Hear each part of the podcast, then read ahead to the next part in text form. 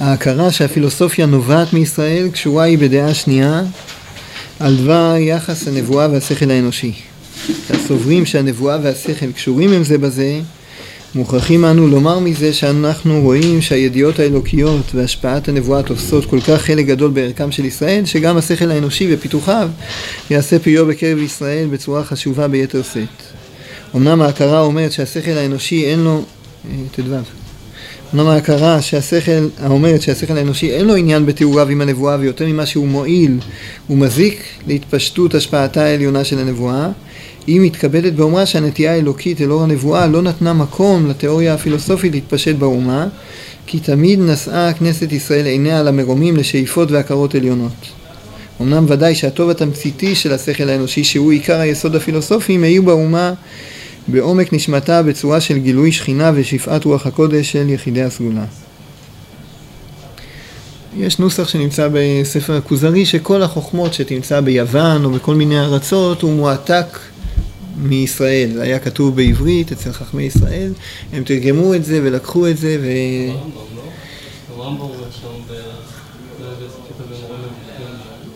שהחוכמה הייתה אצל ישראל, שכחו בישראל, אבל הגויים שמרו את זה. טוב, אני לא, לא מכיר את המקור, אבל אם יש זה מצטרף פה יפה למה שהרב מביא כאן. אז המהלך הזה שחוכמת הפילוסופיה הייתה מקורה בישראל והועתקה לאומות העולם, יכול להיות שעברה אצלם עוד איזה שינוי, הוא חלק פיתוח, אולי חלק גם אה, קלקול, אז זה הנוסחה הזאת. ויש נוסחאות אחרות, שהפילוסופיה לא באה מישראל, הפילוסופיה היא של הגויים, חוכמה בגויים תאמין, את החלק של החוכמה שבה, את החלק שהוא תורה, לא, תורה בגויים אל תאמין. אז אלה שני אה, נוסחים, או שהפילוסופיה נובעת מישראל או שהיא לא נובעת מישראל. ומה שהרב מעיר פה, זה יתאים לדברים שאמרת, שככל שאנחנו רואים קשר בין השכל האנושי לבין הנבואה, אם השכל האנושי הוא הכלי, הוא השביל של הנבואה, אז יוצא שיש קשר הדוק בין שכל לבין נבואה. אז אנחנו מכאן צריכים להסיק שה... הפילוסופיה אמורה להיות בישראל באיזשהו שיא, כדי ש... כי נבואה, זה הכתובת שלה זה בישראל. זה שהנבואה היא בישראל זה ראינו. גם אומות העולם שבאים להתהדר בנביאים, הם מתהדרים בנביאים של ישראל. בישראל יש נבואה, נגיד את זה בצורה הזאת. הנבואה, כוח הנבואה מיוחד לישראל. הנביאים שיש לנו אין, אה, אין תחליף לזה וגם אצל אומות העולם, אלה הנביאים שהם אה, מזכירים אותם אברהם וישעיהו וכאלה. זאת אומרת, רשימת הנביאים שיש אצלם זה רשימת הנביאים של ישראל.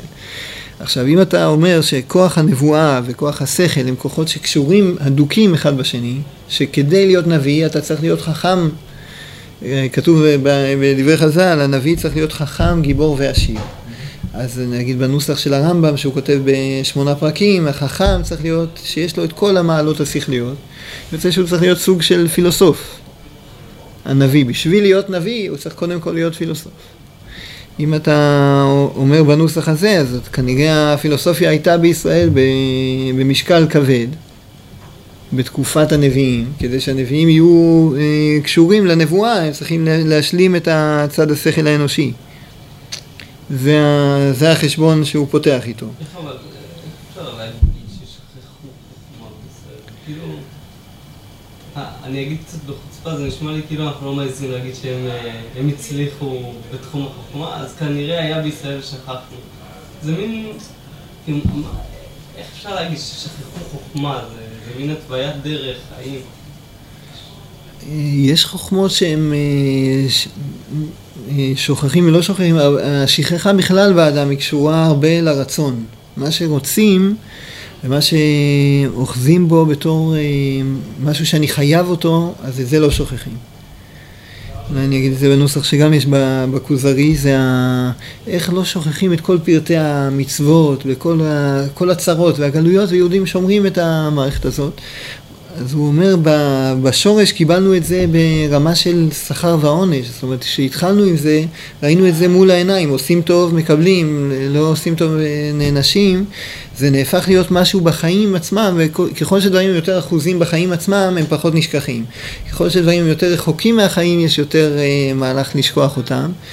עכשיו. כאן יכול להיות שזה קשור לחקירה הזאת עצמה שהרב אומר עוד לפני שנעמיד את הצד השני, אני אומר לנקודה הזאת, ברגע שישראל לפני, ה, לפני הגלות הם אה, הגיעו למסקנה שאם אנחנו רוצים לשמר את מה שחשוב לנו, מה שחשוב לנו נקודת הקודש, הקשר עם אלוקים, אז את כל המערכת הזאת הם אה, שיננו אה, אב לבן ברמות חריגות, זאת אומרת בתקופות שבהן כל הגויים בכל הארצות, עשר אחוז יודעים קרוא וכתוב, וחלק מהקרוא וכתוב זה לא כפשוטו קרוא וכתוב, זה פשוט הוא יודע את האותיות ולהעתיק.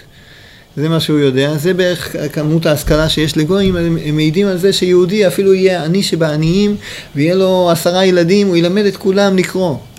עד שידעו לקרוא, ב, לקרוא בתורה, במשנה, ידעו, ידעו את הידע האלוקי שלהם, מהבחינה הזאת הזה, בחירוף נפש נלחמו על, על מרחב הדעת הזה בגלות, את החלק הדעת של הפילוסופיה, שהוא היה מבחינתם, גם אם אחזו אותו בתור משהו שאולי אפשר להשתעשע בו, להעשיר את הידע, הם לא השקיעו את הרמות האלה של המסירות לזכור אותו. זה, ה... זה האפשרות המעשית לשכוח, נגיד ככה. זאת אומרת, צרות הגלות השכיחו מישראל את החוכמה ולא את התורה על, ה... על הדרך הזאת. כל זה אנחנו בצד הראשון. זאת אומרת, אם הנבואה ושכל זה דברים שקשורים אחד בשני, אז מוכרח שגם שכל יהיה לנו ברמה גבוהה של פיתוח, ואז צריך לומר שגם פילוסופיה היה אצלנו פעם. יש צד הפוך, יש שיטה הפוכה. היא אומרת שהשכל האנושי לא רק שהוא לא קשור לנבואה, הוא מבלבל, הוא גורם לאדם להיתפס לחיצוניות, לגשמיות יותר, הוא מרחיק אותו מהנבואה. השכל האנושי אין לו עניין בתיאוריו עם הנבואה, יותר ממה שהוא מועיל, הוא מזיק להתפשטות השפעתה העליונה של הנבואה.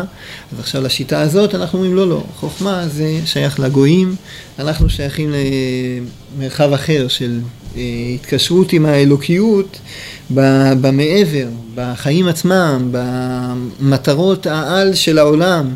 שם אנחנו, ישראל והקדוש ברוך הוא יש להם נתיב תקשורת שאין אותו ב...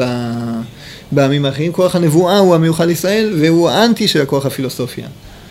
אז זה, זה המהלך השני. לפי הדרך הזאת, אז להפך, יותר הגיוני שלא היה פילוסופיה בישראל.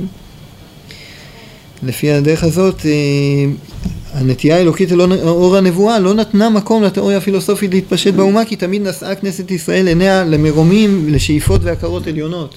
הם לא חיפשו איך לעשות חישובים הגיוניים טובים יותר או טובים פחות, אלא חיפשו איך לראות איך אנחנו בחיים מכניסים אה, טהרה וקודש ורוממות ומקשרים אותם עם השם, אלוקים חיים במובן הזה, אז הם לא חיפשו את הפילוסופיה. אז בעצם יצא לפי החקירה הזאת שהרב פה מעמיד, יש לנו, אם אפשר לומר, שתי קבוצות בין החכמים, את הקבוצת החכמים שדוגלת בזה שכוח החוכמה וכוח הנבואה זה שני כוחות שקשורים, הדוקים אחד בשני. הסברה של השיטה הזאת היא תהיה, הרי כוח החוכמה הוא הכוח האנושי הכי נאצל. זה, בתוך המרחב האנושי, הכי גדול שבו זה היגיון, שכל, דעת, זה הכי גדול שבו. אז עם החלק הכי גדול הזה, איתו אתה מדבק ב- באלוקים. ולפי הדרך הזאת צריך לומר שגם פילוסופיה הייתה בישראל בשיאים עליונים, וכמו שאתה אומר, זה נשכח במשך הגלות, מה שהם תמצא אצל הגויים הם העתיקו מפה. זה מהלך אחד. מהלך השני אומר שלא לא ברמה העקרונית, השכל והנבואה הם אויבים, אבל ברמה התפקודית זה כן, זה כן נוגע לשמה, במובנים האלה ש... השכל הוא לפעמים נואל, והשכל הוא לפעמים מקור לאטימות וגאווה. נדמה לי שזה הציר שבו אנחנו מדברים על הנבואה והשכל כצרים אחד לשני. קצת שאומרים מתאר את הירושלמי ואת הבבלי, שיש, שבירושלמי כאילו הם ראו הכל, אז זה מאוד מצומצם, ובבלי צריך לחקור מאוד מאוד. ושהיה נבואה, אז היה צורך לחקור כל כך את מה דרכי השם, ברגע ש... שההערה פותרת מהחקירה. כן. כן, יש... אה, על מה שהגמרא גם בבבלי מביאה, במחשקים הושיבני, במגילת איכה, מחשקים או שיבני זה תלמודה של בבל. שהוא נמצא במצולות, במקום נמוך, בחושך, הוא מחייב אותך בחקירות. החקירות האלה הן מייצרות בסוף דברים מבוררים. זה כן מועיל לנו שבסופו של דבר בפסיקת הלכה התלמוד הבבלי הוא יותר אה, מכריע, הוא נקרא תלמוד הדידן, הוא המכריע בהלכה מהסיבה הזאת עצמה. זה שהוא נמצא יותר בחושך זה מחייב אותו יותר לתשומת לב ולבירורים יותר אה, דקים. אז המהלך הזה בעצם השני שאנחנו רואים עכשיו, שישראל זה נבואה, ונבואה ופילוסופיה הם אה, סוגרים אחד על השני. אני רוצה להביא גם לדבר הזה איזה דוגמה או שתיים מהרמב"ם. הרמב"ם כותב, שזה גם בהלכות תשובה כתוב, יש שאלה מפורסמת בעולם, שאלת הידיעה והבחירה. אם השם יודע הכל, איפה הבחירה שלנו? אז הרמב"ם כותב על זה מה התירוץ? כיוון שאנחנו לא מסוגלים להשיג את ידיעתו, ידיעתו היא גבוהה מידיעתנו, במורה נבוכים הוא מביא פסוקים שקוראים בתעניות, את ה... כי גברו שמיים מהארץ, כן גברו דרכי מדרכיכם, מחשבותיי ממחשבותיכם. אנחנו רוצים להשליך מהכלי האנושי של המושג לדעת על המושג על הדעת האלוקי. אז המושג על הדעת האנושי הוא אה, אצלנו כרוך בזה שזה כבר סגור, עסק סגור אתה יודע. ובמושג הדעת האלוקי אין לנו את הכלי האחיזה האלה וצריך לשחרר את המחשבה הזאת שאנחנו יודעים. הרעב"ד משיג עליו שם בטענה כזאת, זאת אומרת, שאלת שאלה, המחבר הזה לא עשה כדרך החכמים, משהו כזה, מי ששואל שאלה צריך לענות תשובה. אתה פה שאלת שאלה ובסוף החזרת את זה לאמונה תמימה. אז היית משאיר באמונה תמימה מלכתחילה. זה היה יותר אה, מוצלח אם היית משאיר את זה באמונה התמימה מלכתחילה. נדמה לי שכוונת הרמב"ם שם היא לא, זה לא נקודה של אמונה תמימה פה. זה נקודה של ההיגיון השכלי אומר, אל תשליך השלכות ממה שאתה מכיר במושג הדעת של בן אדם על מושג הדעת של אלוקים. אתה עשית איזו משוואה, בפילוסופיה היא לא עובדת. אתה יודע שאם בן אדם יודע סימן שזה כבר היה, אז סימן שזה כבר סגור, אז אם השם יודע, סימן שזה כבר סגור. לקחת איזה, בפילוסופיה זה לא עובד. לא, לא תשובה ברמה ה... של אמונה תמימה. התשובה היא בהיגיון של הפילוסופיה, זה לא עובד. זה נקודה אחת, וגם הנקודה השנייה זו שאלה שנכון לעורר אותה ונכון לענות עליה. אבל פה החשבון האנושי של השכל, הוא, הוא נועל את האנשים, יש להם גם ברמה הפילוסופית איזו תקלה במשוואה. זה נדמה לי אה, דוגמה אחת לעניין הזה אצל הרמב"ם. עוד דוגמה שנייה היא קשורה לשיר של יום של יום רביעי, זה השיר של יום אומר, היוצר עין הלא יביט. אז הרמב"ם כותב, פילוס... אה, רופאים יהודים שאלו אותי, איזה מין אה, קל וחומר זה, היוצר עין הלא יביט. ואם הוא יוצר אה, אה, פה ומערכת עיכול, אז הוא גם אוכל במבה? איזה מין אה, קל וחומר זה, היוצר עין הלא יביט. בעצם התהילים מוכיח, השם משגיח על בני אדם, אם הוא יצר את העין, איך אתם אומרים שהוא לא רואה מה שאתם עושים? הוא הרי יצר את העין. אומרים, ואם הוא יצר לנו פה, אז הוא גם אה, אוכל. זה הקושייה ששאלו אותו הרופאים.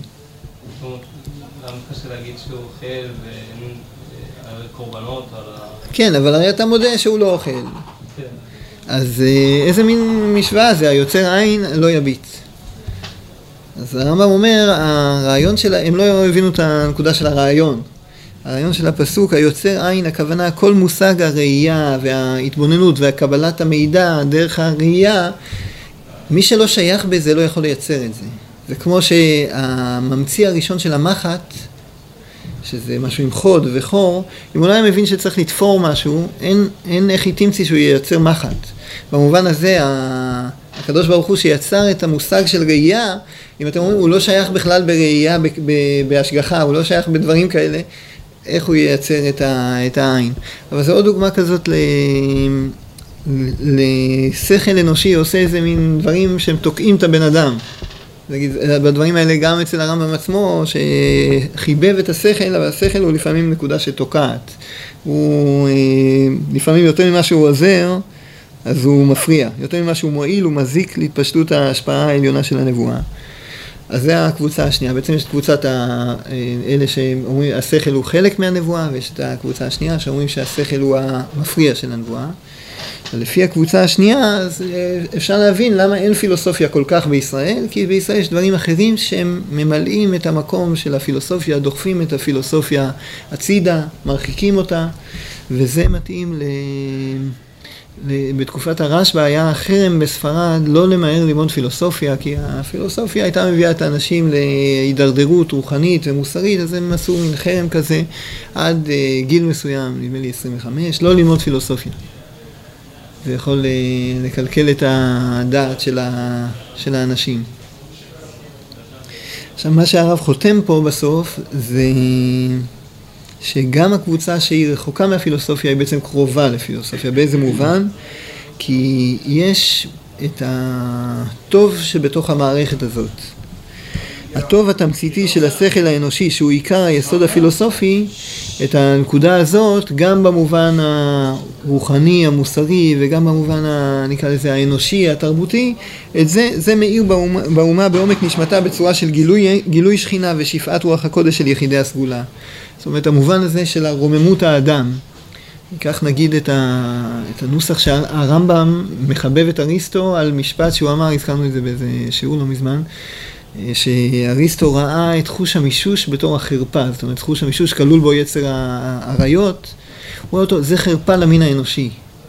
זה בעצם לקחת את הבן אדם ולתקוע אותו במערכות חיים שמתאימות יותר לבהמות. הרמב"ם מחבב את זה ויש עם זה משא ומתן, נזכרנו גם את הרמב"ן באיגרת הקודש, שהוא תוקף את הרמב"ם שנמשך אחרי אריסטו בנושא הזה, כי זה לא ההתייחסות היהודית ל... לסוגיה הזאת, להפך היא רואה בזה מערכת של מצווה וקדושה ולא טומאה ובהמיות. זה המשא ומתן של, ה... של הרמב"ן עם הרמב"ם בציטטה הזאת. אבל אני אכנס רגע לציטטה הזאת עצמה בעיני הרמב"ם, הוא בעצם רואה במושג האנושי משהו מרומם, והשכל הוא לא המכונת חישוב רק. אמור להיות שחיי האדם יהיו במרחבים נקיים, מרחבים של דעת, מרחבים מרוממים, טהורים כאלו. את הרוממות הזאת שיש בצד השכלי, אז על אחת כמה וכמה שיש בחיי הקודש של ישראל. זאת אומרת, הטוב התמציתי של השכל האנושי, זה הנקודה של הפילוסופיה, הרוממות כזאת, רוממות של דת ורוממות של חיים, את זה על אחת כמה וכמה שיש בעם ישראל בצורה אחרת, בצורה של גילוי שכינה, שאיפת רוח הקודש של יחידי הסגולה, ואז המונח הזה של שכל הוא מתחלף בעצם במונח של חיים, במונח של נשמה, במונח של אה, מלאות של קדושה רחבה יותר. יכול להיות שמהנוסח הזה אצל המהר"ל המילה שכל היא הרבה פעמים מקבילה, מחליפה את המילה נשמה.